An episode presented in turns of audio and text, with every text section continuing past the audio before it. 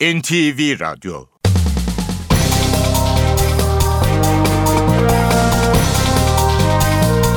İşe Giderken Mutlu sabahlar. Ben Aynur Altunkaş. Bugün 26 Haziran Perşembe. İşe giderken de Türkiye ve dünya gündemine yakından bakacağız. Ayhan Aktaş'tan spor haberlerini alacağız. Önce gündemin başlıkları.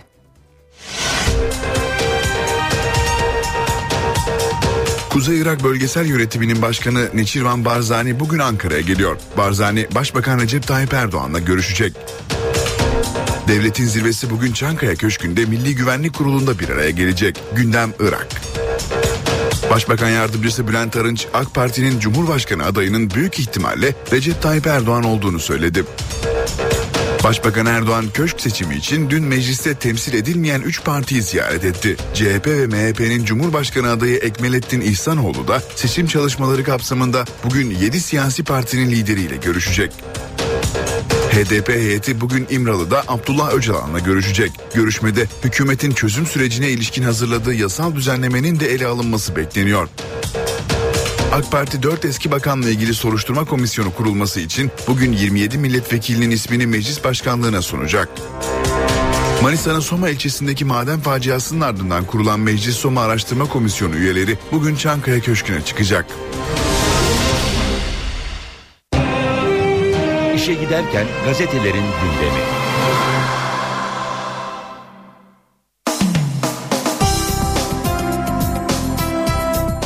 Hürriyet gazetesiyle basın özetlerine başlayalım. HDP eş başkanı Selahattin Demirtaş'ın çözüm e, yasasına ilişkin açıklamalarını görüyoruz. Ee, kendisi ve partisi henüz resmen açıklamasa da cumartesi günü Cumhurbaşkanı adayı olmaya hazırlanan Demirtaş, hedefimiz ilk turu geçmek, Ekmelettin İhsanoğlu için ön yargılı değiliz, Erdoğan'ın kullandığı dil politika kucaklayıcı değil, kamplaştırıcı, kutuplaştırıcı, Kürt sorununu çözüyorum derken bile kamplaştırıyor toplumu dedi. Çözüm süreci paketini de zamanlamasından bağımsız olarak önemli buluyoruz diye konuştu. Yine hürriyetten başlık ölümüne sıfırlama. Soma'da 301 madencinin can verdiği faciada savcıların yanıt aradığı soru şu. Gaz ölçüm sensörleri defalarca sinyal verdiği halde önlem almak yerine madende üretim durmasın diye cihazları kim sıfırlattı? Aramızdan birini uğurlayacağız. Başbakan AK Parti'nin geleceğine ilişkin endişeli olanlara aramızdan birini ölüme değil Cumhurbaşkanlığı makamına uğurlayacağız mesajını verdi. Asırlardır isimleri değil hep davayı konuştuk. Bugün de davamızı konuşacağız. İsimler fanidir. Bu mücadele, bu dava, bu hareket bakidir. Gazi Mustafa Kemal, Adnan Menderes, Turgut Özal geldiler, mücadele ettiler, göçüp gittiler. Baki kalan dava oldu dedi.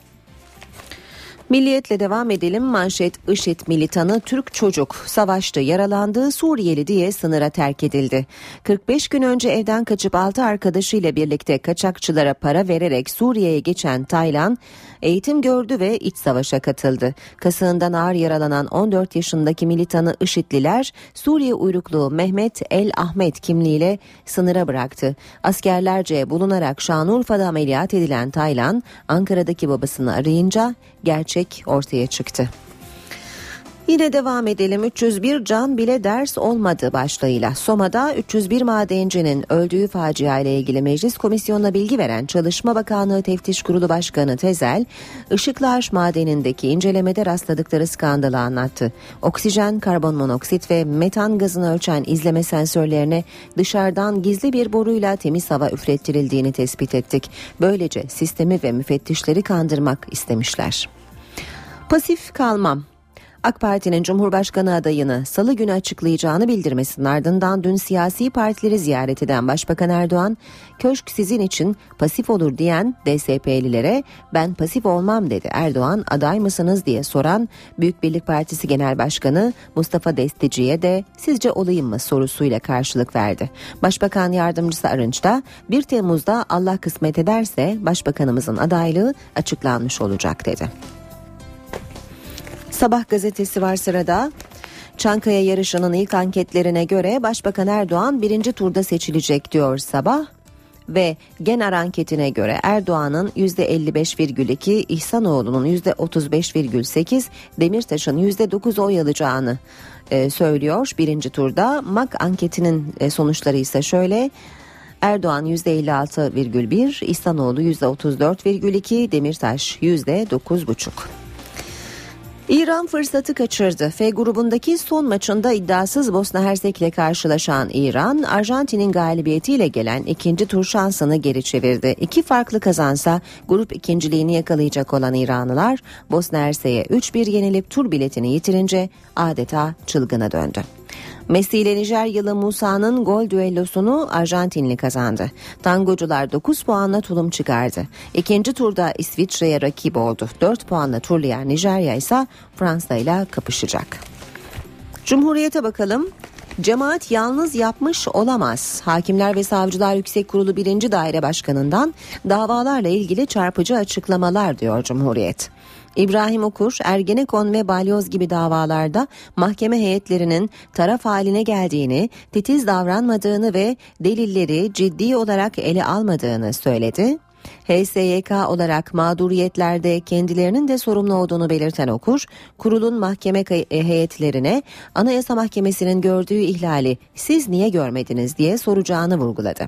Olanların cemaat aklıyla izah edilemeyeceğini belirten okur, hakimlerle ilgili şikayetler o hep 12 oyla reddedildi. O dönem hükümet desteği vardı. Zekeriya Öz'ü almak mümkün değildi. Öz'ün özgüveni o kadar yüksekti ki bana benim alınmamı Cumhurbaşkanı mı istedi yoksa Başbakan mı diye sordu dedi. Cumhuriyet gazetesinden aktarıyoruz. Bir diğer başlık dinci baskı kapanın. Ramazan başlamadan kadınlara yönelik dinci baskılar başladı diyor Cumhuriyet. İsmail Ağa Camii İlim ve Hizmet Vakfı gönüllüleri olduğunu söyleyen sarıklı ve cübbeli kişiler Sakarya Karasu'daki plajda kadınlara kapanmalarını emreden 72 maddelik bir broşür dağıttı. Geçelim Star'a çözüm suç olmayacak diyor manşeti Star'ın. Akan kanın durması için başlatılan süreçte barış müzakerelerini yürütmek suç olmaktan çıkacak. Bakan hala devlet görevlilerinin aldığı bu sorunu biz çözeriz iradesinin mecliste adı konacak dedi. Habertürk gazetesi imzalar atıldı diyor. AK Partililer Erdoğan için meclise imza toplamaya başladı. Erdoğanlı Gül bugün Milli Güvenlik Kurulu sonrası Çankaya adaylığı için son kez görüşecek. Anayasa Mahkemesi'nden Öcalan'la ilgili bir hak ihlali kararı çıktı. Öcalan İmralı'da yazdığı Kürdistan Devrim Manifestosu kitabına mahkemece el konulunca Anayasa Mahkemesi'ne başvurmuştu.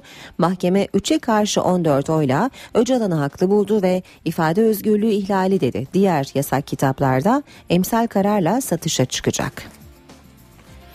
Yine bir başlık haber Türk'ten kırmızılı kadın şikayetçi. Gezi'nin kırmızılı kadını Ceyda Sungur hakkında açılan davada mahkemeye çıktı. Dönemin yöneticileri için suç duyurusunda bulundu. Yeni Şafak gazetesi güneydeki ülke için dinlediler diyor. Binlerce kişinin yasa dışı dinlendiği Selam Örgütü soruşturmasının Ankara ayağında verilen takipsizlik kararı paralel yapının İsrail'le bağlantısını gözler önüne serdi. Örgüt İsrail'den gelen talimat gibi ihbarla 26 kişiyi 2 yıl boyunca hem takip etti hem de dinledi diyor Yeni Şafak.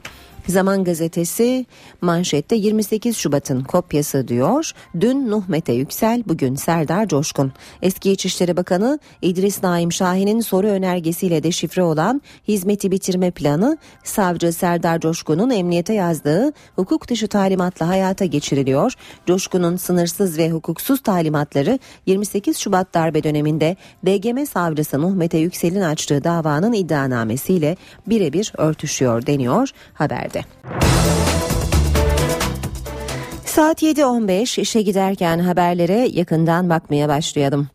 Ağustos ayında yapılacak Cumhurbaşkanlığı seçimi için zaman daraldıkça başkentteki trafikte hızlanıyor. CHP ve MHP'nin ortak adayını açıklamasının ardından gözler adayını 1 Temmuz'da açıklayacak olan AK Parti'ye çevrildi.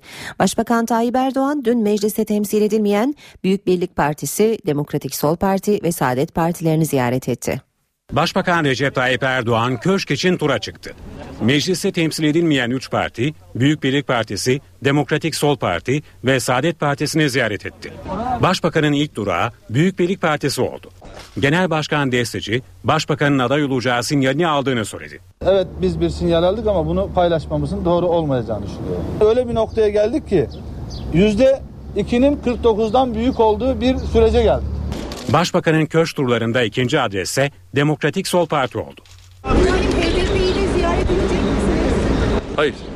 Konuşmalarından anlıyoruz ki Başbakan Cumhurbaşkanı adayı olmak istiyor. Bize davranışlarından, konuşmalarından, genel başkanlıktan vedaymış gibi hissettirdi.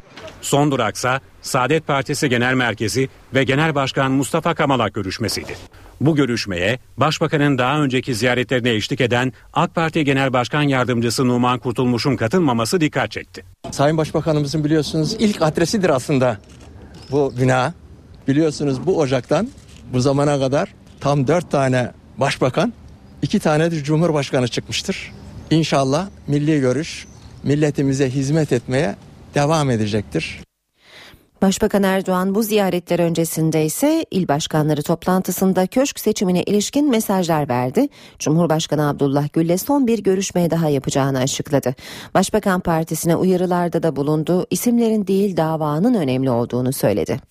Aramızdan birini ölüme değil, sadece ve sadece Cumhurbaşkanlığı makamına uğurlayacağız. Görev değişecek, yetki değişecek ama dava şuuru, dava mücadelesi değişmeyecek. Yine isim vermedi ama köşk adayı açıklanmadan önce partisine uyarılar yaptı.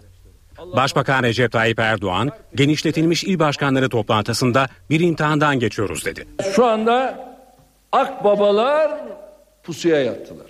AK Parti içinde bir nifak çıksın diye bekliyorlar. 12 yıl boyunca pusula beklediler. İstediklerini alamadılar. Bugün de yarın da Allah'ın izniyle istediklerini alamayacaklar. Başbakan bu süreçte hata yapanın sadece partiye değil ülkeye zarar vereceğini söyledi. Son derece hassas bir imtihandan geçiyoruz. Böyle bir süreçte kim ki isimleri tartışırsa inanın sadece partimize değil, teşkilatımıza değil, en başta bu büyük, bu kadim davaya haksızlık eder. İsimler de, rütbeler de, makamlar da, mevkiler de bu dava içinde, bu hareket içinde ehemmiyeti en düşük unsurlardır. Başbakan Cumhurbaşkanı Abdullah Gül'le son bir görüşme daha yapacak. Ardından AK Parti'nin adayı 1 Temmuz'da Ankara'da açıklanacak. Ankara Ticaret Odası Kongre Merkezi'ndeki törene kurucular, teşkilat üyeleri, milletvekilleri katılacak. Parti kurucusu Abdullah Gül'e Cumhurbaşkanlığı görevini yürüttüğünden davetiye gönderilmedi. Yaptığım son değerlendirmeler bir ismi ortaya çıkarmıştır.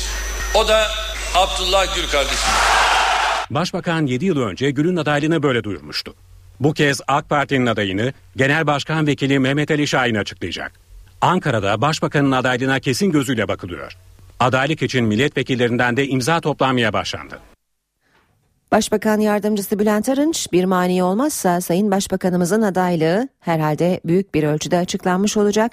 Biz böyle arzu ediyoruz dedi. CHP ve MHP'nin Cumhurbaşkanı adayı Ekmelettin İhsanoğlu ise seçim çalışmalarına başlıyor. İhsanoğlu siyasi partilerden randevu istedi. Bugün 7 partinin lideriyle görüşme yapacak olan İhsanoğlu, Başbakan'dan da görüşme talebinde bulundu. Ayrıntıları CHP'li Erdoğan Toprak ve MHP'li Ruhsar Demirel anlattı.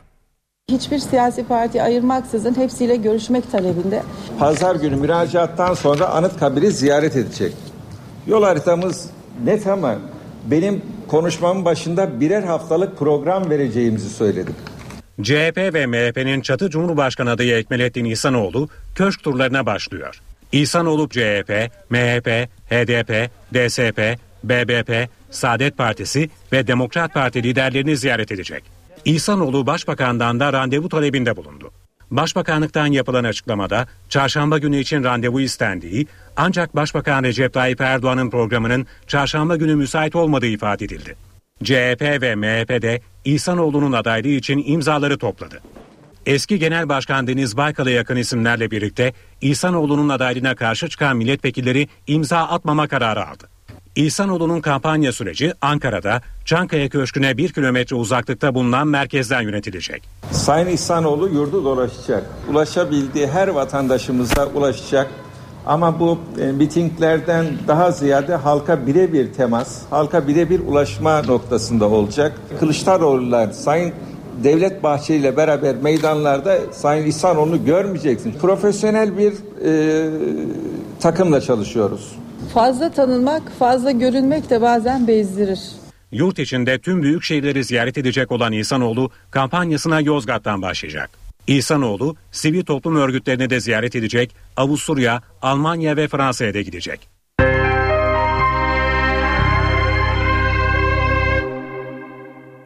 Anayasa Mahkemesi'nden dün iki önemli hak ihlali kararı çıktı. Yüksek Mahkeme basım aşamasında kitabına el konulan Abdullah Öcalan'ın ve başörtüsüyle duruşma salonuna alınmayan bir avukatın haklarının ihlal edildiğine karar verdi. Anayasa Mahkemesi Öcalan'ın kitabına basım aşamasındayken el konulması nedeniyle yaptığı bireysel başvuruyu karara bağladı. Öcalan'ın hakkının ihlal edildiğine karar verdi. Yüksek Mahkeme başörtülü bir avukatın duruşmaya alınmadığı gerekçesiyle yaptığı bireysel başvuruda da hak ihlali karar, kararı verdi. Uygulamanın anayasanın eşitlik ve din ve vicdan hürriyetini düzenleyen maddelerine aykırı olduğuna hükmetti. Çözüm sürecine ilişkin yasal düzenleme yolda pakette yer alan maddeler arasında çözüm sürecini yürütenlerin yasal korumaya alınması ve PKK'nın kaçırdığı çocukların sorumlu tutulmamaları yer alıyor. Bu sorunu biz çözeceğiz iradesi meclis tarafından da inşallah yasalaştırılarak tamamen ortaya konmuş olacak. Hükümet çözüm sürecine ivme kazandırmak için yeni bir paket hazırladı. Yeni adımlar çözüm süreci yasal zemine kavuşturulacak. Sürecin aktörleri de koruma altına alınıyor. Hükümet daha önce görüşmeleri yürüten MİT mensuplarını yasal zırh altına almıştı. Yeni paketle birlikte bu süreçte karar alan siyasetçi, bürokrat ve askerler yasal olarak korunacak. Türkiye'nin e, bu sorunu çözüm süreci olarak tanımladığı, adını çözüm süreci olarak koyduğu sorunu çözme noktasında devletin aldığı, devlet görevlilerinin e, aldığı inisiyatifin mecliste adının konması süreci sürecidir. İçişleri Bakanı Efkan Ala eve dönüşü kolaylaştıracak düzenlemelerin daha sonra ele alınacağını söyledi. Bu bir süreç. Daha sonra o gündeme geldiğinde de onun üzerinde detaylı çalışmalar yapılır ve sizlerle paylaşılır. Paketle terör örgütü PKK tarafından kaçırılan çocukların sorumlu tutulmamalarını sağlayacak adım atılması da bekleniyor. CHP ve MHP'dense çözüm sürecine ilişkin yasal düzenlemeye tepki var. Parti sözcüleri Oktay Vural ve Haluk Koç zamanlamaya dikkat çekti. Öcalan'la Erdoğan'ın e, Cumhurbaşkanı konusunda yaptığı anlaşma ve Öcalan'a bir teslimiyettir bu. Kendi siyasi çıkarına uygun bir demet öneriyle hükümetin başındaki kişi ortaya çıkıyor. Muhalefet tepkili. Nedeni ise hükümetin çözüm süreciyle ilgili yeni bir paket hazırlaması. CHP ve MHP'ye göre paket Cumhurbaşkanlığı seçimine yönelik bir adım. Bu tamamen İmralı'da e, Erdoğan ve Öcalan'ın e, Cumhurbaşkanı başkanlık sistemi ekseninde yürüttüğü pazarlıkların e, sonucunda getirilmiştir. Ben Kürt yurttaşlarımızın şu gerçeğin altını çizmelerini bir kere daha ifade ediyorum. Tayyip Erdoğan'la bu sorunun çözümü beyefendinin kişisel çıkarlarına dönük pazarlık noktasına taşınmasıyla mümkün değildir. HDP ise paketten memnun. Bugün bu aşamaya gelmiş olması önemli tabii. Meclisin bu konuda bu süreci bir yasal güvenceye alması, ana muhalefetin de dile getirdiği gibi şeffaf, topluma açık bir şekilde, bilgilendirici bir şekilde sürmesi bunlara elbette ihtiyaç vardı. Aslında hükümet bu konuda geç kalmış durumda bile. HDP İstanbul Milletvekili Levent Tüzel'in sözleri de böyleydi. HDP heyeti bugün İmralı'da Abdullah Öcalan'la görüşecek. Görüşmede hükümetin çözüm sürecine ilişkin hazırladığı yasal düzenlemenin de ele alınması bekleniyor. Geçen hafta Başbakan Yardımcısı Beşir Atalay, İçişleri Bakanı Efkan Ala ve Adalet Bakanı Bekir Bozdağ ile görüşen HDP heyeti İmralı'ya gidecek. HDP Grup Başkan Vekili Pervin Buldan görüşmede çözüm sürecine ilişkin hazırlanan tasarının da ele alınabileceğini söyledi.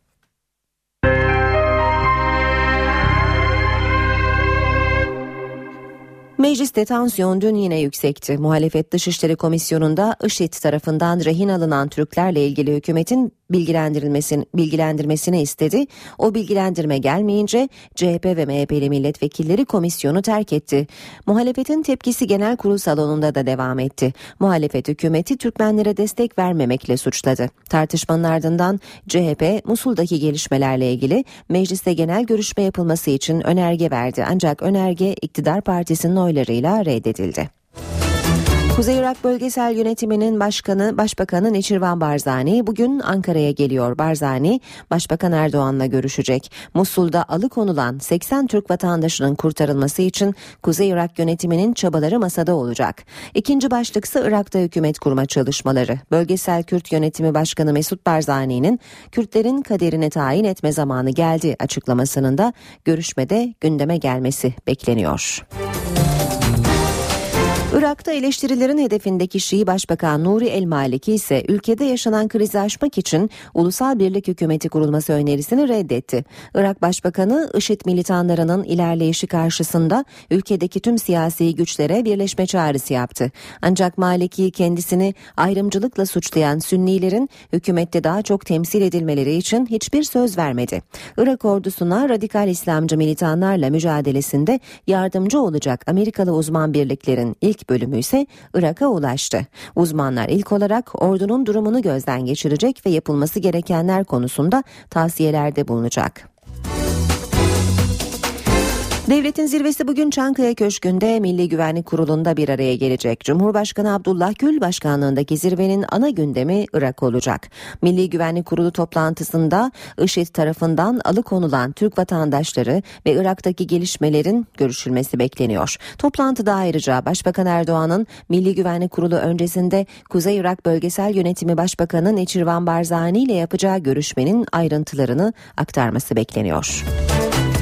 Başbakan Tayyip Erdoğan Musul'da alıkonulan Türk vatandaşlarının kurtarılması için her türlü senaryoya hazırlıklı olduklarını söyledi.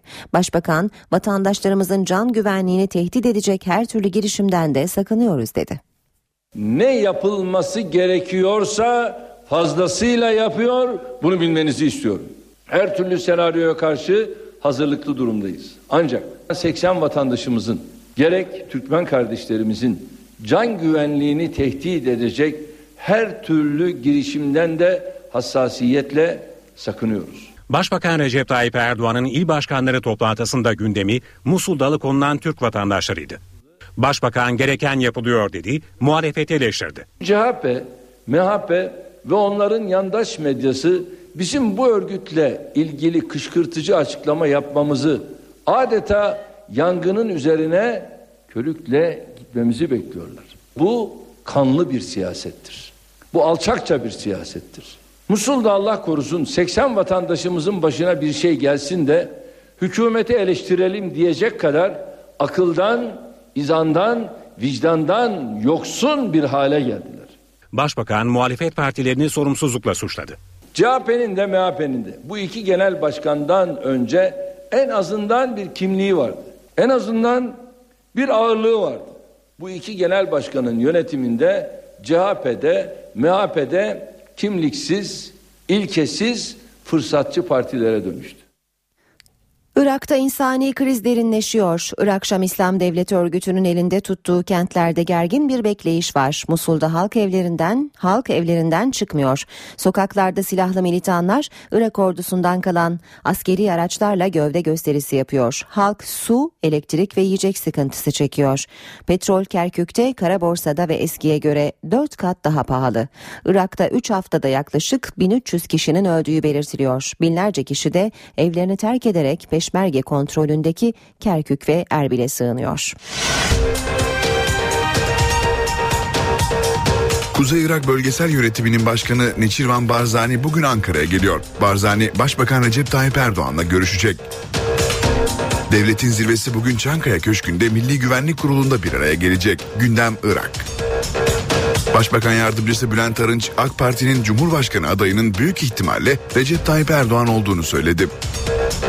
Başbakan Erdoğan köşk seçimi için dün mecliste temsil edilmeyen 3 partiyi ziyaret etti. CHP ve MHP'nin Cumhurbaşkanı adayı Ekmelettin İhsanoğlu da seçim çalışmaları kapsamında bugün 7 siyasi partinin lideriyle görüşecek. HDP heyeti bugün İmralı'da Abdullah Öcalan'la görüşecek. Görüşmede hükümetin çözüm sürecine ilişkin hazırladığı yasal düzenlemenin de ele alınması bekleniyor. AK Parti 4 eski bakanla ilgili soruşturma komisyonu kurulması için bugün 27 milletvekilinin ismini meclis başkanlığına sunacak.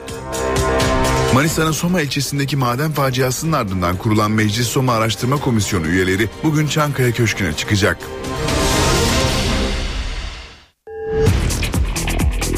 spor haberleri başlıyor.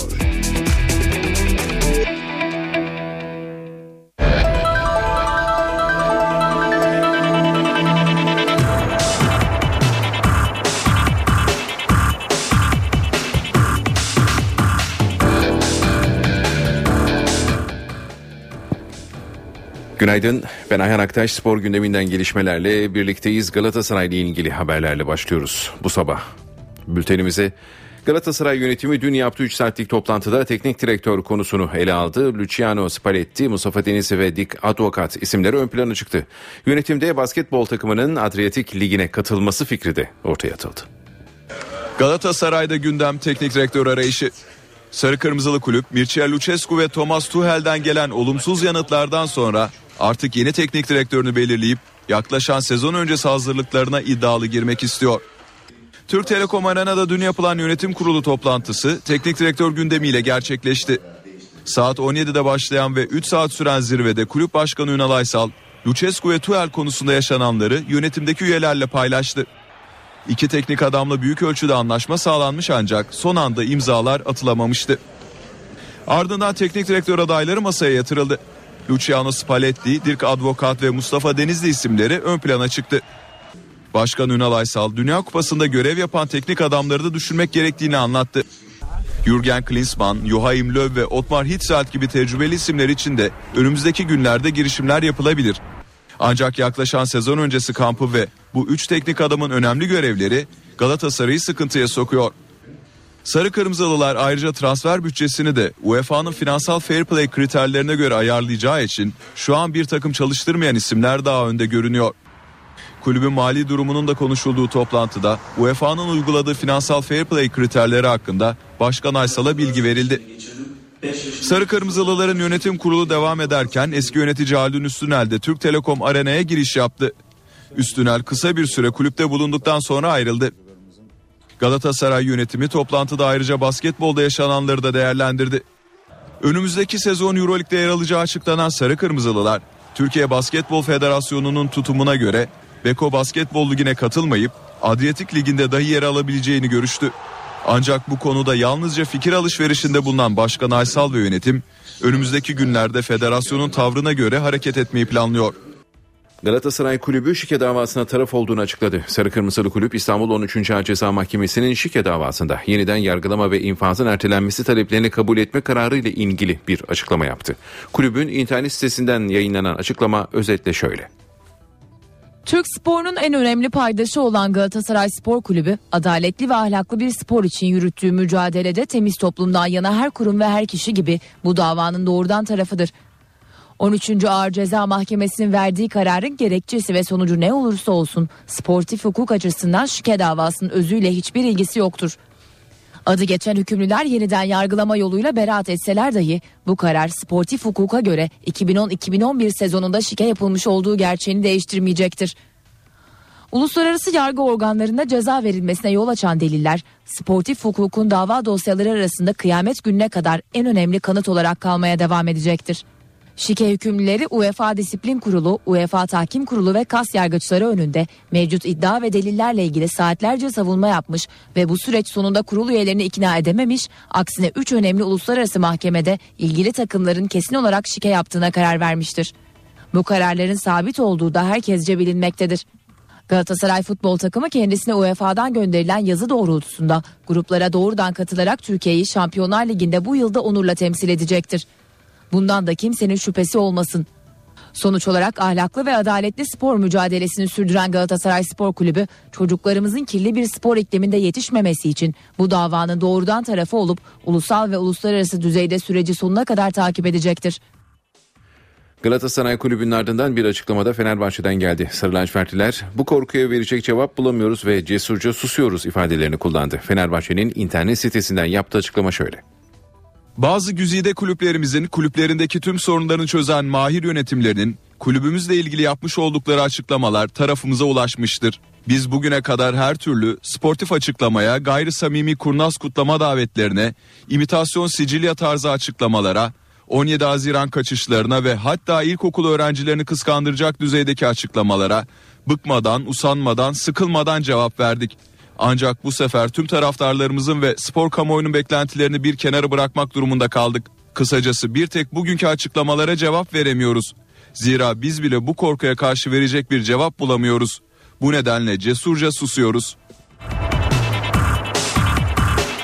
Bir açıklamada Trabzonspor Kulübü'nden geldi Bordo Maviller İstanbul 13. Ağır Ceza Mahkemesi'nin şike davası ile ilgili aldı. Yeniden yargılama ve infazın durdurulması kararını eleştirirken bu karara karşı Hakimler ve Savcılar Yüksek Kurulu'na şikayet de dahil olmak üzere her türlü yasal hakkın kullanılacağını açıkladı.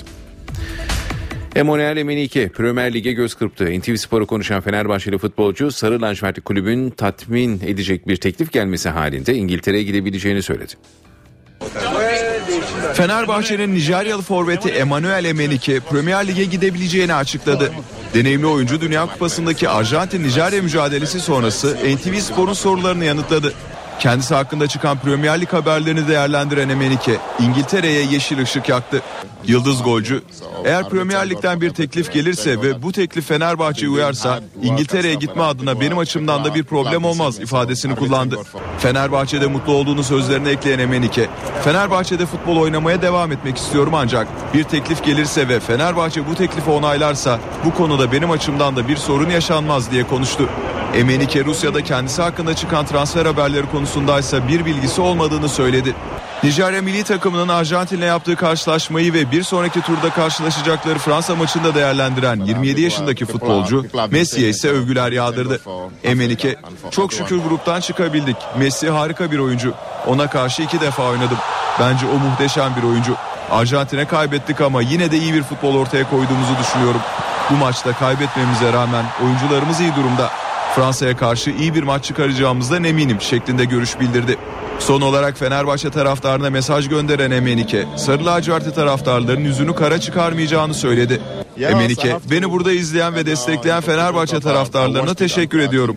Golcü futbolcu, beni burada izleyen ve destekleyen Fenerbahçe taraftarlarına teşekkür ediyorum.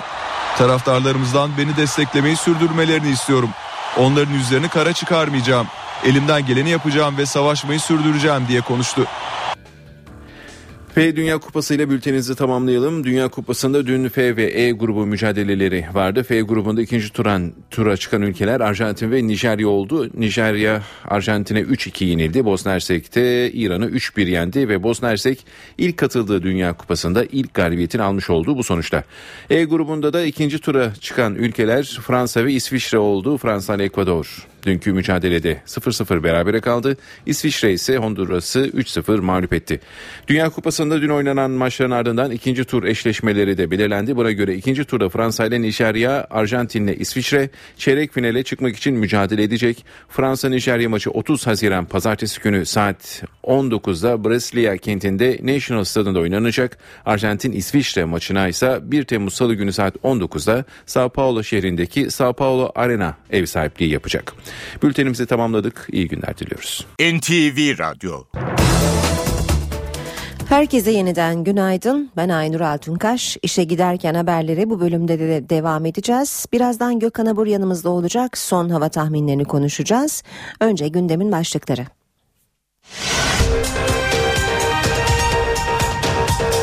Kuzey Irak Bölgesel Yönetimi'nin başkanı Neçirvan Barzani bugün Ankara'ya geliyor. Barzani, Başbakan Recep Tayyip Erdoğan'la görüşecek.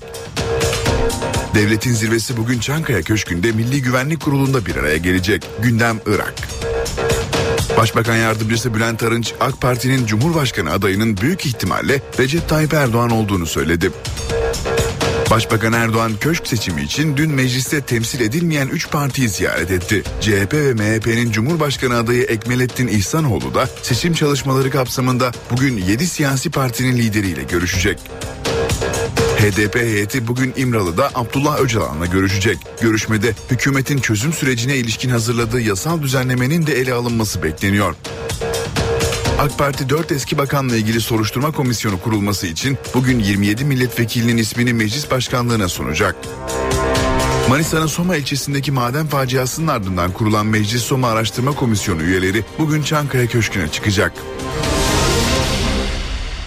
AK Parti 4 eski bakanla ilgili soruşturma komisyonu kurulması için bugün 27 milletvekilinin ismini meclis başkanlığına sunacak. Yaklaşık 2 ay önce Meclis Genel Kurulu'nda 17 Aralık soruşturmasına adı karışan 4 eski bakanla ilgili soruşturma komisyonu kurulması kararı alındı. Bu süreçte muhalefet komisyon için üye isimlerini meclis başkanlığına sundu ancak AK Parti komisyona üye olacak isimleri tek tek incelediklerini belirterek isim bildirmedi. O incelemeler tamamlandı. Bugün meclis başkanlığına komisyona kura ile seçilecek 27 milletvekilinin ismi bildirilecek. Başbakanın ofisine böcek koymakla suçlanan ve yurt dışında olduğu belirtilen polis için kırmızı bülten çıkarılacak. Bilgiyi İçişleri Bakanı Efkan Ala verdi. Ala, eski bakan İdris Naim Şahin'in Gülen cemaati ile ilgili verdiği bir soru önergesine de sert tepki gösterdi.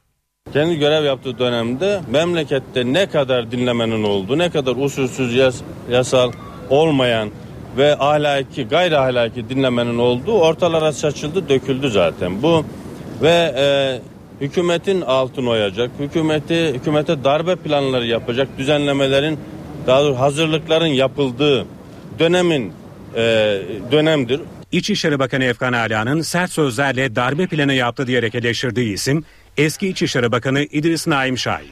Ala'nın eleştirilerinin nedeni ise İdris Naim Şahin'in verdiği bir soru önergesi.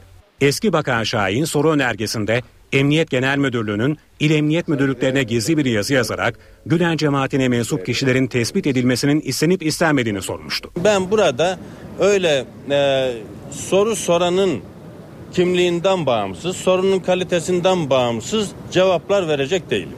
Ala Başbakanın makam aracı ve ofisine böcek koyduğu iddia edilen yurt dışındaki polis için kırmızı bülten çıkarılacağını da açıkladı. Sayın Başbakanın ofisine böcek koyuyor. Bu büyük bir sorundur.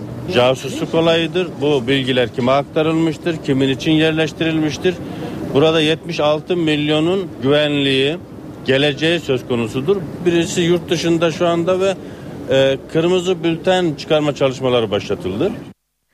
Ankara 10. Ağır Ceza Mahkemesi böcek soruşturması kapsamında haklarında tutuklama kararı verilen 5 emniyet mensubunun avukatlarının karara yaptığı itirazı reddetti. Başbakan Erdoğan'ın makam aracı ve çalışma ofisine dinleme cihazı yerleştirilmesine ilişkin yürütülen soruşturmada 11 kişi gözaltına alınmış, 6'sı savcılık sorgusunun ardından 5'i de mahkemece serbest bırakılmıştı. Soruşturmayı yürüten savcılığın itirazı üzerine 5 kişi hakkında yeniden yakalama kararı verildi. Şüpheli Şüphelilerin avukatları karara itiraz etti.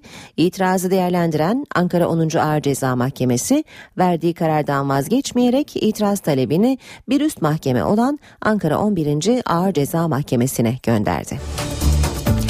Manisa'nın Soma ilçesindeki maden faciasının ardından kurulan Meclis Soma Araştırma Komisyonu bugün Çankaya Köşkü'ne çıkacak ve ilk tespitleri Cumhurbaşkanı Gül'e anlatacak.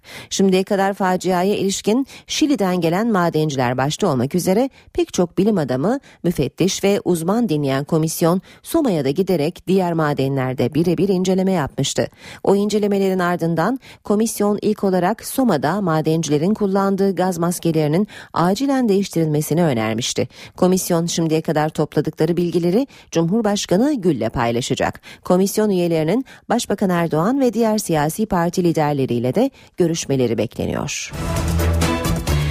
Avrupa Birliği ülkelerine vizesiz seyahat için geri sayım başladı. Avrupa Birliği'nin şart koştuğu ve Aralık ayında Ankara'da imzalanan geri kabul anlaşması meclis onayından geçti. Süreçte herhangi bir sorun yaşanmazsa en geç 3,5 yıl sonra Türkiye Cumhuriyeti vatandaşları için Avrupa'ya vize zorunluluğu kalkacak.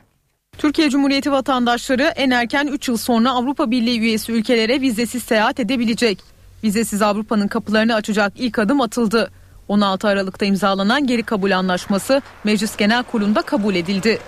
Anlaşmaya göre bir üçüncü ülke vatandaşı Türkiye üzerinden kaçak yollarla Avrupa'ya giderse ve yakalanırsa Avrupa Birliği ülkeleri bu vatandaşı Türkiye'ye geri gönderebilecek.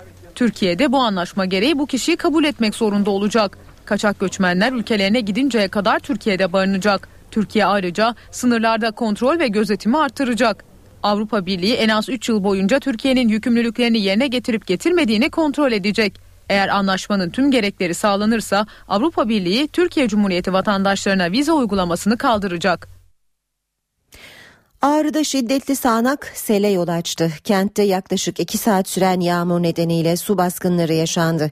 Selin taşıdığı kaya parçaları Ağrı-İran karayolunu ulaşıma kapadı. Uzun araç kuyruğu oluştu. Ağrı Afet ve Acil Durum Müdürlüğü'ne bağlı ekipler yolu açmak için çalışma başlattı. Taşlıçay ilçesinde de su basan bir evde mahsur kalan 6'sı çocuk 11 kişi ekiplerin yoğun çabasıyla kurtarıldı. Bugünse yurdun büyük bir bölümünde sıcaklıklar yükseliyor. Hatta kimi yerlerde sıcaklık rekoru bile kırılabilir. Uzmanlar gün ortasında özellikle güneş ışınlarından korunması gerektiğini söylüyor. Isı çarpmasına da dikkat diyelim ve son hava tahminlerini dinleyelim. Kısa bir aradan sonra yine birlikteyiz. NTV Meteoroloji Evi'nden merhaba. Bugün yurt genelindeki sıcaklıklar son günlerin en yüksek seviyesine çıkacak. Sıcaklıklar Güney Ege, Akdeniz ve Güneydoğu'da yer yer 40 derecenin üzerinde. İç kesimlerde de sıcaklıklar yükseliyor. Hafta sonu Batı Karadeniz, Marmara ve Kuzey Ege'de kuvvetlenecek Poyraz sıcaklıkları 4-5 derece azaltacak ama yine de ortalamaları üzerinde olacak. Bugün için Marmara bölgede sıcaklıklar yükselirken nem oranı düşük. O bakımdan bunaltıcılık az olacak ama güneyde çöl sıcaklıkları diyebileceğimiz boyutta sıcaklıklar var. Güney Ege'de sıcaklıkların 38-39 derece arasında değişmesini bekliyoruz. Akdeniz boyunca sıcaklıklar etkisini arttırırken hava kuru. İç kesimlerde sıcaklıklar 30 ile 33 derece arasında değişirken doğuda yağışlar giderek etkisini kaybedecek. Bugün Kars, Ağrı, Manakkari boyunca artacak bulutlanma gün içinde hafif yağış bırakabilir. Akşam saatlerinde Kırklareli Istanbul'un Avrupa yakası hafif yağış görülebilir. Yarın doğuda yağış etkisini kaybederken Karabük, Kastamonu, Sinop, Samsun, Amasya ve Edirne Kırklareli arasında yerel yağışlar görülecek. Cumartesi günü Batı Karadeniz'in iç kesimlerindeki yağışlar aralıklarla devam ederken Doğu Anadolu'nun doğusunda yeniden yağışlar başlayacak.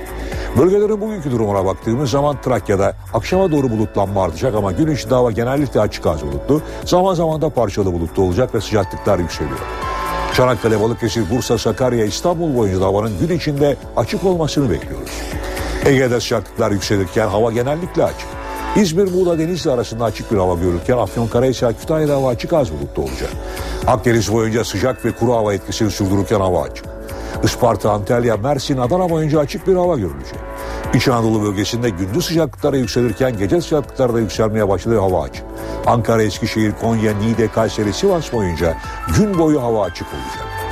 Bolu Zonguldak arasında parçalı zaman zaman açık az bulutlu bir hava görülürken Samsun, Trabzon, Artvin boyunca da hava açık az bulutlu yer yerde parçalı bulutlu olacak. Malatya parçalı bulutlu, Erzurum, Kars, Hakkari boyunca gün içinde hava parçalı bulutlu ama bir yer artacak bulutlanma hafif de olsa yağış bırakabilir. Güneydoğu'da ise çok sıcak bir hava var ve hava açık. Gaziantep, Adıyaman, Diyarbakır, Şanlıurfa, Mardin boyunca hava açık olacak. İstanbul'da sıcak bugün 33 derecenin üstüne çıkacak ve gece sıcaklığı 22 derece olacak. Nem oranı oldukça düşük. Yarın rüzgar giderek kuvvetlenecek. Ankara'da hava açık ve sıcaklık gündüz 33, gece ise 18 derece olacak. İzmir'de sıcaklık gündüz saatlerinde 39 derecenin üzerine çıkıyor, gece ise 27 derece olacak. Rüzgar oldukça zayıf. O bakımdan İzmirliler bugün bir hayli bunalacaklar. İyi bir gün diliyorum. Hoşçakalın. Saat 8.18 başkent gündemiyle devam edeceğiz. Karşımızda Özden Erkuş var. Özden günaydın. Günaydın Ankara'dan. Ee, bugün Milli Güvenlik Kurulu toplanacak. Özellikle gündem Irak. Ee, ancak e, Cumhurbaşkanlığı seçimi sürecinde de görüşme trafiği hızlandı. Ee, neler aktaracaksın gündeme dair? Ee, gerçekten de öyle üç ana başlık var bugün Ankara gündemini şekillendirecek. Irak'ta kaçırılan Türk vatandaşlarının durumu, çözüm süreci ve Cumhurbaşkanlığı seçimi. Bu üç ana başlıktan ikisinin masada olacağı önemli toplantı Çankaya Köşkü'nde yapılacak. Cumhurbaşkanı Abdullah Gül Başkanlığı'nda Milli Güvenlik Kurulu toplanıyor. Zirvenin ana gündem başlığı Irak'taki son durum olacak. Öncelikli konuysa elbette alıkonulan Türk vatandaşları toplam 80 kişinin durumu. Bugüne kadar yürütülen çalışmalar bundan sonra atılacak adımlar konuşulacak toplantıda. Yine bölgeden gelen istihbarat raporlarıyla Genelkurmay Başkanlığı'nın elde ettiği bilgiler her türlü olasılığa karşı hazırlanan planlarda yine Milli Güvenlik Kurulu'nda detaylı şekilde değerlendirilecek. Ayrıca Irak'taki hükümet kurma çalışmaları ve Irak'ın geleceği de masada olacak. Bu konuda Dışişleri Bakanı Ahmet Davutoğlu'nun Irak'ta temaslarda bulunan ABD Dışişleri Bakanı John Kerry ile yaptığı görüşmenin detaylarını aktarmasını bekliyoruz. MGK öncesi Başbakan Erdoğan ise Kuzey Irak Bölgesel Yönetim Başbakanı Neçirvan Barzani ile bir araya gelecek. Görüşmede Musul'da alıkonulan 80 Türk vatandaşının kurtarılması için Kuzey Irak yönetiminin çabaları ve Irak'taki hükümet kurma çalışmaları da konuşulacak. Başbakan Erdoğan bu görüşmenin ayrıntılarını da Milli Güvenlik Kurulu'na aktaracak kuşkusuz. Önemli bir diğer başlıkta çözüm süreci HDP heyeti Abdullah Öcalan'la görüşmek üzere İmralı'ya gidiyor. Görüşmede çözüm sürecine yasal zemin olacağı belirtilen 7 maddelik yasal düzenlemede konuşulacak. Öcalan'ın HDP'liler aracılığıyla göndereceği mesaj da Ankara'da dikkatle takip edilecek. Ve Cumhurbaşkanlığı seçimi şu ana kadar ismi açıklanan tek aday CHP ve MHP'nin çatı adayı Ekmelettin İhsanoğlu bugün mesaisine fiilen başlıyor. İhsanoğlu bugün siyasi partileri ziyaret edecek. Tam 7 noktada temasları olacak. Cumhurbaşkanlığı seçimi için destek isteyeceği randevularına Büyük Birlik Partisi ile başlayacak yaklaşık bir saat sonra. Daha sonra sırasıyla Demokratik Sol Parti, Cumhuriyet Halk Partisi, Demokrat Parti, Halkların Demokrasi Partisi, Saadet Partisi ve Milliyetçi Hareket Partisi genel merkezlerine gidecek ve liderleriyle görüşecek İhsanoğlu. Randevularında yürüteceği çalışmaları anlatacak. Siyasi partilerden beklentilerini dinleyecek. Ve yargı cephesinden bir başlıkla bitirelim. Başbakanın çalışma ofisine dinleme cihazı yerleştirilmesine ilişkin soruşturmada önce serbest bırakılan ardından haklarında yeniden tutuklama kararı çıkarılan 5 polis Ankara Adliyesi'ne getirilecek ve bugün yeniden tutuklanacaklar. Ankara'da gündemden çıkan başlıklar bugün böyle olacak. Özden teşekkürler. Başkent gündemini Özden Erkuş'tan aldık.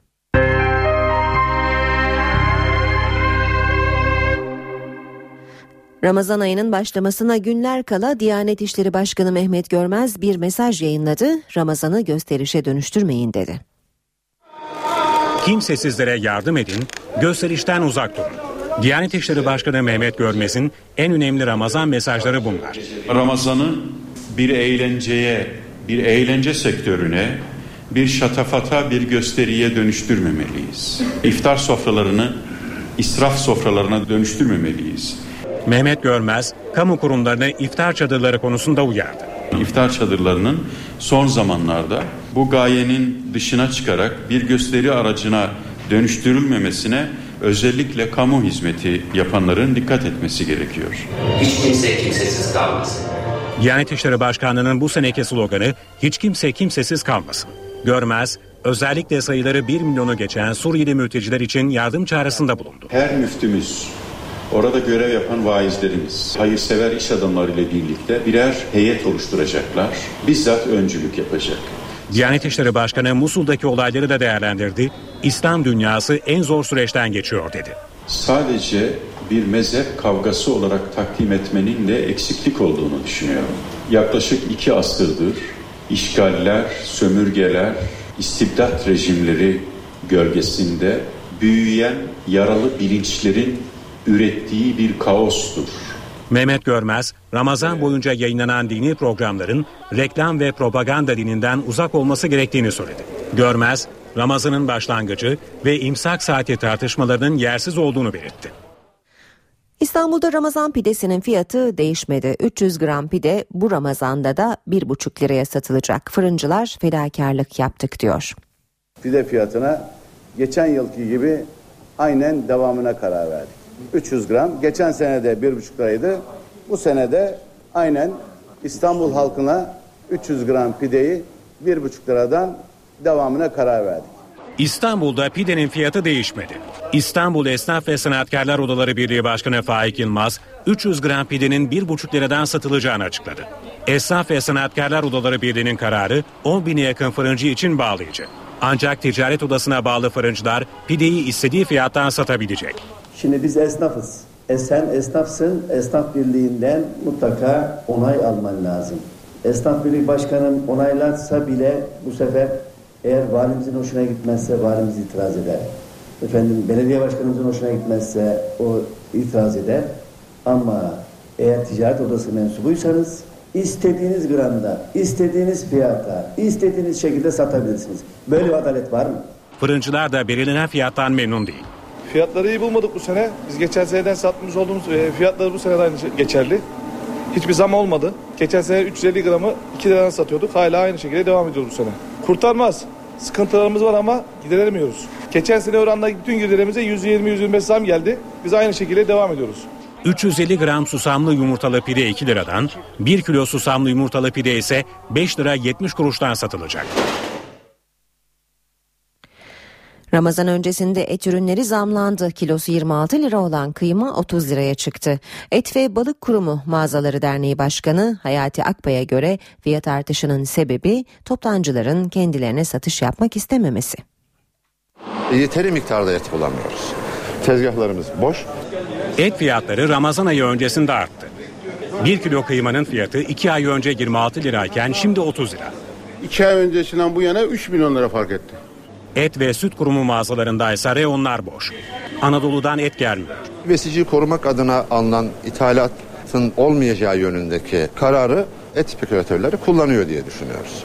Et ve Süt Kurumu Mağazaları Dernek Başkanı Hayati Akbay, Ramazan yaklaştı. Talep ediyoruz ama et göndermiyorlar. Bizde mal olmadığını bilen de fiyatı yükseltiyor diyor. Bize mal olmayınca tabii e, herkes istediği gibi fiyat ayarlaması yapıyor. Dilediği fiyatlardan da satıyorlar. Vitrin boş. Et gelecek diye halen et yok. Bugün 3 seferdir geliyorum et almaya. 9 tane çocuk var evde bakmak zorundayım. Et ve Süt Kurumu mağazaları piyasanın %3'ünü oluşturuyor. Toptancılar eti ucuza veren et ve süt kurumu mağazalarına satış yapmak istemiyor. Çünkü Ramazan ayında et tüketimi %50 artıyor. Bakanlık yetkililerine göre hayvan sıkıntısı yok. Ancak fiyatların Ocak ayından beri %9,5 arttığı belirtiliyor. Kuraklık ve don artışın en büyük nedeni. Yem fiyatlarında yükseliş beklentisi, turizm ve Ramazan ayının gelişi de et fiyatlarını etkileyen faktörlerden. Yani temennimiz artmamasından yana ama görünüş öyle ki herhalde bu 2-3 daha devirecek. 2-3 milyon daha atacak. Şimdi sırada Ayşe teyze ne yapsın köşesi var. Profesör Doktor Güngör Uras bize bu sabah Türkiye'nin en büyük sanayi kuruluşlarını anlatacak. Ayşe teyze ne yapsın? Güngör Uras, Ayşe teyze ekonomide olan biteni anlatıyor. Merhaba sayın dinleyenler, merhaba Ayşe Hanım teyze, merhaba Ali Rıza Bey amca. İstanbul Sanayi Odası her yıl Türkiye'de imalat sanayinde üretim yapan şirketlerden bilgi derliyor. Sonra bu bilgileri toplulaştırarak yayınlıyor. Şirketlerin üretime dayalı satış rakamlarına göre bir sıralama yapılıyor ve böylece de 500 büyük sanayi kuruluşu listesi ortaya çıkıyor. Bu 500 büyük sanayi kuruluşu listesinde birinci sırada yer alan şirketin 2013 yılında üretimden satış rakamı 39 milyar 729 milyon lira oldu. En sondaki şirketin ki ise 188 milyon lira. 500 büyüğün en büyüğünün üretimden satış rakamı ile en küçüğünün üretimden satış rakamı arasında 211 kat fark var. Aradaki fark çok büyük. 500 büyüğün ilk 50 büyüğü toplam üretimden satışlarda, katma değerde, ihracatta %50 paya sahip. Açık anlatımıyla ilk 50 sanayi kuruluşu büyüklüğü sonradan gelen 450 sanayi kuruluşunun büyüklüğüne eşit. 500 büyük sanayi kuruluşunun 2013 yılında net satışlarında cari fiyatlarla artış sadece %7,4 oranında oldu. Demek ki sabit fiyatlarla yani enflasyondan arındırıldığında net satışlar sabit kalmış durumda. Sanayi kuruluşları ekonominin lokomotifidir. Sanayinin büyümesi istihdam ve gelir artışını peşinden sürükler. Ne var ki son yıllarda imalat sanayinin milli gelire katkısı yani milli gelirin oluşumundaki payı giderek geriliyor. 1998 yılında imalat sanayinin milli gelir içindeki payı %23 idi. 2005'te %17'ye gerilemişti. 2013 yılında %15,3'e düştü. Bu çok olumsuz bir gelişmedir. Bir başka olumsuz gelişme 500 büyük sanayi kuruluşunun ihracatındaki duraksamadır. 2013 yılında 500 büyüklerin ihracatı artmadı. Tersine %1'e yakın oranında bir gerileme var. 500 büyükler içinde ihracata en fazla katkı yapanlar yabancı sermayeli kuruluşlar oldu. Bunların ağırlığını ise otomotiv firmaları oluşturuyor. 137 yabancı sermayeli kuruluşun 500 büyüğün üretiminden satışlarındaki payı %28 oranındayken ihracattaki payları %41 oranında. Yabancı sermayeli kuruluşlar Türkiye'deki toplam ihracatın %18'e yakınını gerçekleştiriyor. 500 büyüklerin 198'i İstanbul'da faaliyet gösteriyor. 297'si Anadolu'nun değişik şehirlerinde. Kocaeli'nden 32, İzmir'den 34, Bursa'dan 29, Ankara'dan 27, Gaziantep'ten 23, Kayseri'den 12, Kahramanmaraş'tan 8 sanayi kuruluşu 500 büyükler listesine girebildi. Bir başka söyleşi de birlikte olmak ümidiyle şen ve esen kalınız sayın dinleyenler. Güngör varsa sormak istediklerinizi ntvradio.ntv.com.tr adresine yazabilirsiniz.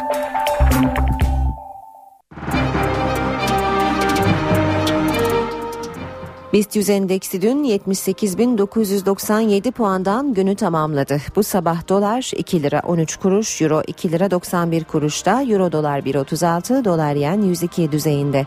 Altının onsu 1315 dolar, Brent petrolün varili 114 dolar. Kapalı çarşıda külçe altının gramı 91, çeyrek altın 158 lira. Kuzey Irak Bölgesel Yönetimi'nin başkanı Neçirvan Barzani bugün Ankara'ya geliyor. Barzani Başbakan Recep Tayyip Erdoğan'la görüşecek. Devletin zirvesi bugün Çankaya Köşkü'nde Milli Güvenlik Kurulu'nda bir araya gelecek. Gündem Irak. Başbakan Yardımcısı Bülent Arınç AK Parti'nin Cumhurbaşkanı adayının büyük ihtimalle Recep Tayyip Erdoğan olduğunu söyledi. Başbakan Erdoğan köşk seçimi için dün mecliste temsil edilmeyen 3 partiyi ziyaret etti. CHP ve MHP'nin Cumhurbaşkanı adayı Ekmelettin İhsanoğlu da seçim çalışmaları kapsamında bugün 7 siyasi partinin lideriyle görüşecek. HDP heyeti bugün İmralı'da Abdullah Öcalan'la görüşecek. Görüşmede hükümetin çözüm sürecine ilişkin hazırladığı yasal düzenlemenin de ele alınması bekleniyor. AK Parti 4 eski bakanla ilgili soruşturma komisyonu kurulması için bugün 27 milletvekilinin ismini meclis başkanlığına sunacak. Manisa'nın Soma ilçesindeki maden faciasının ardından kurulan Meclis Soma Araştırma Komisyonu üyeleri bugün Çankaya Köşkü'ne çıkacak. Sıcak hava yurt genelindeki kendini iyice hissettirmeye başladı. Özellikle bugün birçok ilde sıcaklık yüksek hatta rekor değerleri bile ulaşılabilir. Meteorolojinin uyarılarına göre hava sıcaklarının Antalya'da 42 dereceye ulaşması bekleniyor. Termometreler Muğla'da 36, Burdur'da 34, Isparta'da ise 31 derece olabilir, gösterebilir. Uzmanlardan ise güneş çarpmalarına karşı uyarılar geldi. Serinlemek için denize girerken bile dikkati girilmeli. Sibel Atasoy, Antalya İl Sağlık Müdür Yardımcısı Mehmet Fatih Gülşen'le görüştü. Yurt genelinde bir süredir etkili olan yağmur ve fırtına girini sıcağı bıraktı. Antalya'da termometreler 38 derece gösterdi. Sıcaklıktan bunalan yerli ve yabancı turistler sahillere akın etti. Bebeğiniz de var. Nasıl koruyorsunuz onu? İşte böyle olabildiğince kapatıyoruz her tarafını. Hava bile almayacak şekilde neredeyse. Evet çok sıcak. Sadece deniz yanında biraz serin oluyor. Deniz yanında rahat oluyor. Bebek de çok seviyor. Yoksa şehir içi çok sıcak. Sıcaklıklar hafta sonu etkisini daha da artıracak. Antalya'da nemle birlikte hissedilen değer 52 dereceye kadar ulaşacak. İzmir, Aydın, Manisa ve Muğla'da çok sıcak. Serinlemek isteyenler plajları doldurdu. Uzmanlar özellikle güneş çarpmasına karşı uyarılarda bulunuyor. Kesinlikle öğle sıcağında e, denize girmemelerini tavsiye ediyoruz. Saat 10 ila e, 4 arası e, zorunlu olmadıkça dışarı çıkmamaları, çıkıyorlarsa şapka, açık e, renkli kıyafetler ve e, mümkün olduğu kadar e, gölgede kalmalarını öneriyoruz. Uzmanlara göre sıcak havalarda yağlı gıdalar tüketilmemesi ve ağır egzersizler yapılmaması gerekiyor. Ölçme Seçme ve Yerleştirme Merkezi kamu personeli seçme sınavı giriş belgelerini adayların erişimine açtı. KPSS'ye girecek adaylar sınav giriş belgelerini ÖSYM'nin internet adresinden TC kimlik numaraları ve şifreleriyle görebilecek. ÖSYM adaylara giriş belgesi göndermeyecek. KPSS lisans düzeyinde sınavlar 5-6 Temmuz'da, orta öğretim ve ön lisans düzeyi için sınavlar 28 Ağustos'ta gerçekleştirilecek. Bartın'da temel kazısı sırasında tarihi kalıntılara rastlandı. Roma dönemine ait olduğu belirlenen bir tapınağın parçaları bulundu. İnşaat kazısından tarih çıktı. Bartın'ın Amasra ilçesinde bir lise inşaatı için temel kazısı yapılıyordu. Çalışmalar sırasında tarihi kalıntılara rastlandı. Roma dönemine ait bir tapınağın parçaları bulundu. Bölgede sondaj çalışması başlatıldı. Amasra Müze Müdürü Baran Aydın, tapınak sütunlarının aynı yöne doğru devrilmiş olması deprem sonucu yıkılmış olabileceğini gösteriyor dedi. Tarihi kalıntıların bulunması üzerine okulun başka bir yere yapılmasına karar verildi.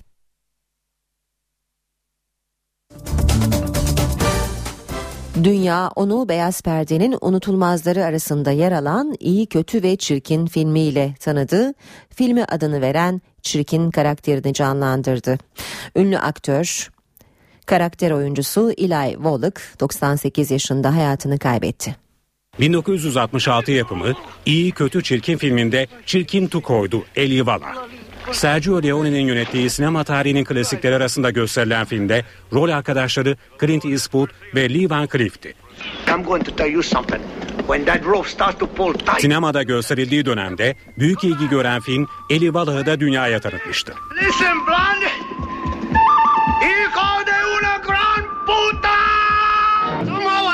Sinemanın unutulmazları arasına girdiği bir diğer filmde Muhteşem Yediliydi. 98 yaşında hayatını kaybeden Vala, 60 yıldan fazla süren sanat hayatında birçok yapımda farklı karakterleri canlandırdı. Marilyn Monroe, Clark Gable, Peter O'Toole, Yul Brynner gibi efsane isimlerle birlikte oynadı. İlerlemiş yaşında Hayalet Yazar, Wall Street gibi filmlerle yine seyircinin karşısındaydı. Dizilerde, tiyatro oyunlarında oynadı. Vala için çaba harcamadan birçok değişik karaktere eşsiz damgasını vuran kişi nitelemesinde bulunan akademi, onu 2010'da Onur Oscar ile ödüllendirdi. Amerika Birleşik Devletleri'nde tereyağının faydaları tartışılıyor. Konu Time dergisinin Tereyağı Yiyin kapağının ardından bir kez daha gündemde. Amerikalı uzmanlar doymuş yağın vücut için daha önce tahmin edildiği gibi zararlı olmadığını söylüyor. Tereyağı yemekten korkmayın. Amerikalılar şimdi uzmanlardan gelen bu öneriyi tartışıyor. Tartışmalara alevlendiren dünya ünlü Time dergisinin attığı manşet oldu. Dergi bu ayın ortalarında tereyağı yiyin kapağıyla çıktı. Dergi yapılan yeni araştırmalara dayanarak doymuş yağın sağlığa daha önce tahmin edildiği gibi zararlı olmadığını yazdı. Time'a göre doktorların tereyağına karşı açtıkları savaş artık sona ermeli. Tam yağlı süt ürünleri, tavuk derisi ve belli oranda kırmızı etin vücuda tahmin edildiği gibi düşman olmadığı belirtiliyor. Cambridge Üniversitesi'nde yapılan bir araştırmada doymuş yağla kalp hastalıkları arasında doğrudan bir bağlantı olmadığını gösteriyor. Doymuş yağ yerine şeker, karbonhidrat ve işlenmiş gıdaların obezite ve diyabete daha çok yol açtığına dikkat çekiliyor. Uzmanlar yine de halkı yağ tüketirken dikkatli olmaları konusunda uyarıyor. Yağın ekmeğe sürülerek veya fırınlanmış patatese konularak yenmesinin çok da sağlıklı olmayacağı vurgulanıyor. Doktorlar yağın sebzelerle yenilmesinin daha yararlı olacağının altını çiziyor. Bu haberle işe giderken haberler sona erdi. Sırayı spor haberleri alacak. Ayhan Aktaş'tan alacağız spor haberlerini. Saat başında yeniden buluşmak üzere. Hoşçakalın. Spor haberleri başlıyor.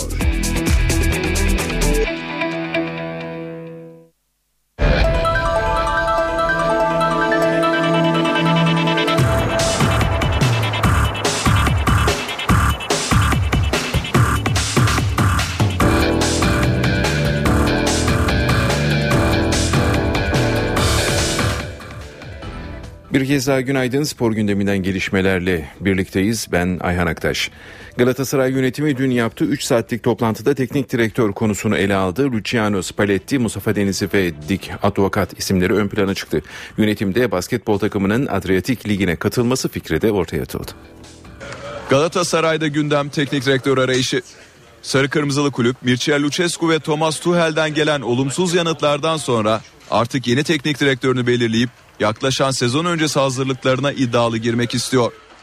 Türk Telekom Arena'da dün yapılan yönetim kurulu toplantısı teknik direktör gündemiyle gerçekleşti.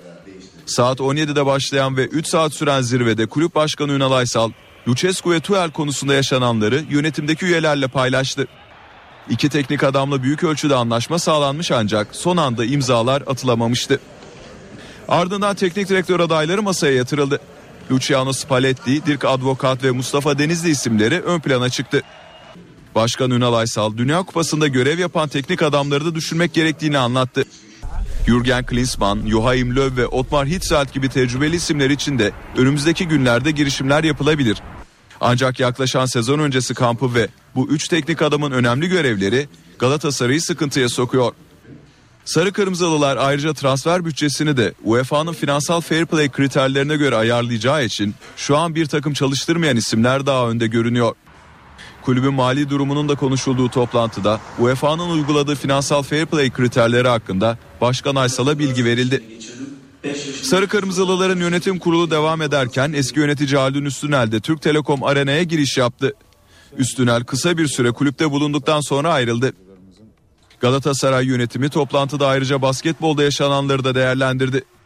Önümüzdeki sezon Euroleague'de yer alacağı açıklanan Sarı Kırmızılılar, Türkiye Basketbol Federasyonu'nun tutumuna göre Beko Basketbol Ligi'ne katılmayıp Adriyatik Ligi'nde dahi yer alabileceğini görüştü. Ancak bu konuda yalnızca fikir alışverişinde bulunan Başkan Aysal ve yönetim önümüzdeki günlerde federasyonun tavrına göre hareket etmeyi planlıyor. Galatasaray Kulübü şike davasına taraf olduğunu açıkladı. Sarı Kırmızılı Kulüp İstanbul 13. Ağır Ceza Mahkemesi'nin şike davasında yeniden yargılama ve infazın ertelenmesi taleplerini kabul etme kararı ile ilgili bir açıklama yaptı. Kulübün internet sitesinden yayınlanan açıklama özetle şöyle.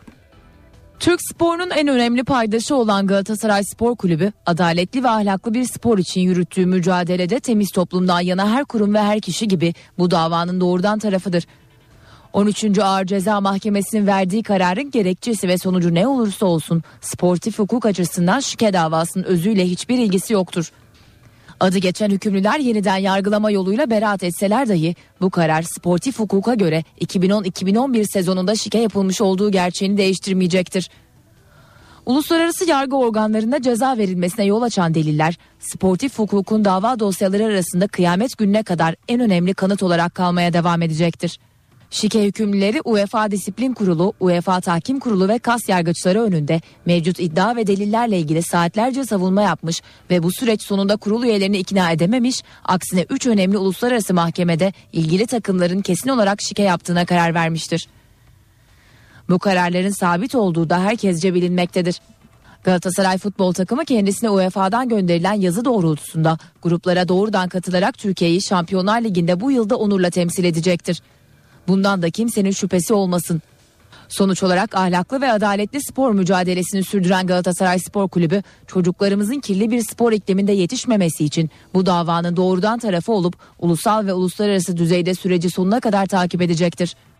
Galatasaray Kulübü'nün ardından bir açıklamada Fenerbahçe'den geldi. Sarı bu korkuya verecek cevap bulamıyoruz ve cesurca susuyoruz ifadelerini kullandı. Fenerbahçe'nin internet sitesinden yaptığı açıklama şöyle. Bazı güzide kulüplerimizin kulüplerindeki tüm sorunlarını çözen mahir yönetimlerinin kulübümüzle ilgili yapmış oldukları açıklamalar tarafımıza ulaşmıştır. Biz bugüne kadar her türlü sportif açıklamaya, gayri samimi kurnaz kutlama davetlerine, imitasyon Sicilya tarzı açıklamalara, 17 Haziran kaçışlarına ve hatta ilkokul öğrencilerini kıskandıracak düzeydeki açıklamalara bıkmadan, usanmadan, sıkılmadan cevap verdik. Ancak bu sefer tüm taraftarlarımızın ve spor kamuoyunun beklentilerini bir kenara bırakmak durumunda kaldık. Kısacası bir tek bugünkü açıklamalara cevap veremiyoruz. Zira biz bile bu korkuya karşı verecek bir cevap bulamıyoruz. Bu nedenle cesurca susuyoruz. Bir açıklamada Trabzonspor Kulübü'nden geldi. Bordo Mavililer İstanbul 13. Ağır Ceza Mahkemesi'nin şike davası ile ilgili aldığı yeniden yargılama ve infazın durdurulması kararını eleştirirken bu karara karşı Hakimler ve Savcılar Yüksek Kurulu'na şikayet de dahil olmak üzere her türlü yasal hakkın kullanılacağı açıklandı. Beşiktaş'ta geçen sezon kadro dışı bırakılan İbrahim Toraman, Sezer Öztürk ve Gökhan Süzen'in durumu belirsizliğini koruyor. Antrenmanları çıkmayan 3 oyuncu kulüpten haber bekliyor. Beşiktaş'ta kadro dışı olan İbrahim Toraman, Sezer ve Gökhan Süzen'in yeni sezon öncesi siyah beyazlı takımda kalıp kalmayacakları netleşmedi. Teknik heyet 3 oyuncuyu da sezon öncesi başlayan antrenmanlara davet etmedi. Tatillerini tamamlayarak İstanbul'a dönen Sezer, İbrahim ve Gökhan siyah beyazlı teknik heyetten haber bekliyor. Ancak sezonun ilk antrenmanına katılmayan 3 futbolcu ikinci çalışmada da yer almadı. Futbol Genel Direktörü Önder Özen bir süre önce 3 oyuncunun hazırlık kampına alınmayacaklarını söylemişti. Ancak daha sonra yönetim kurulu konuyla ilgili teknik heyetin yeniden karar vermesini istemişti. Antrenmanlara çıkmayan ve hazırlık kampı için davet alamayan 3 futbolcunun satış listesine konulması ve yeni sezon öncesi siyah beyazlı takımdan ayrılması bekleniyor. Ve Dünya Kupası'na geçiş yapıyoruz. Dünya Kupası'nda dün F ve E gruplarında maçlar oynandı. F grubunda ikinci tura çıkan ülkeler Arjantin ve Nijerya oldu. Arjantin Nijerya'yı 3-2, Bosna Hersek'te 3-1 yendi. Dünya Kupası E grubunda ise ikinci tura çıkan ülkeler Fransa ile İsviçre oldu. Fransa ile Ekvador golsüz berabere kalırken İsviçre Honduras'ı 3-0 mağlup etti. Dünya Kupası'nda dün oynanan maçların ardından ikinci tur eşleşmeleri de belirlendi. Buna göre ikinci turda Fransa ile Nijerya ve Arjantin ile İsviçre çeyrek finale çıkmak için mücadele edecek. Fransa-Nijerya maçı 30 Haziran Pazartesi günü saat 19'da Brezilya kentinde National Stadında oynanacak. Arjantin-İsviçre maçına ise 1 Temmuz Salı günü saat 19'da Sao Paulo şehrindeki Sao Paulo Arena ev sahipliği yapacak.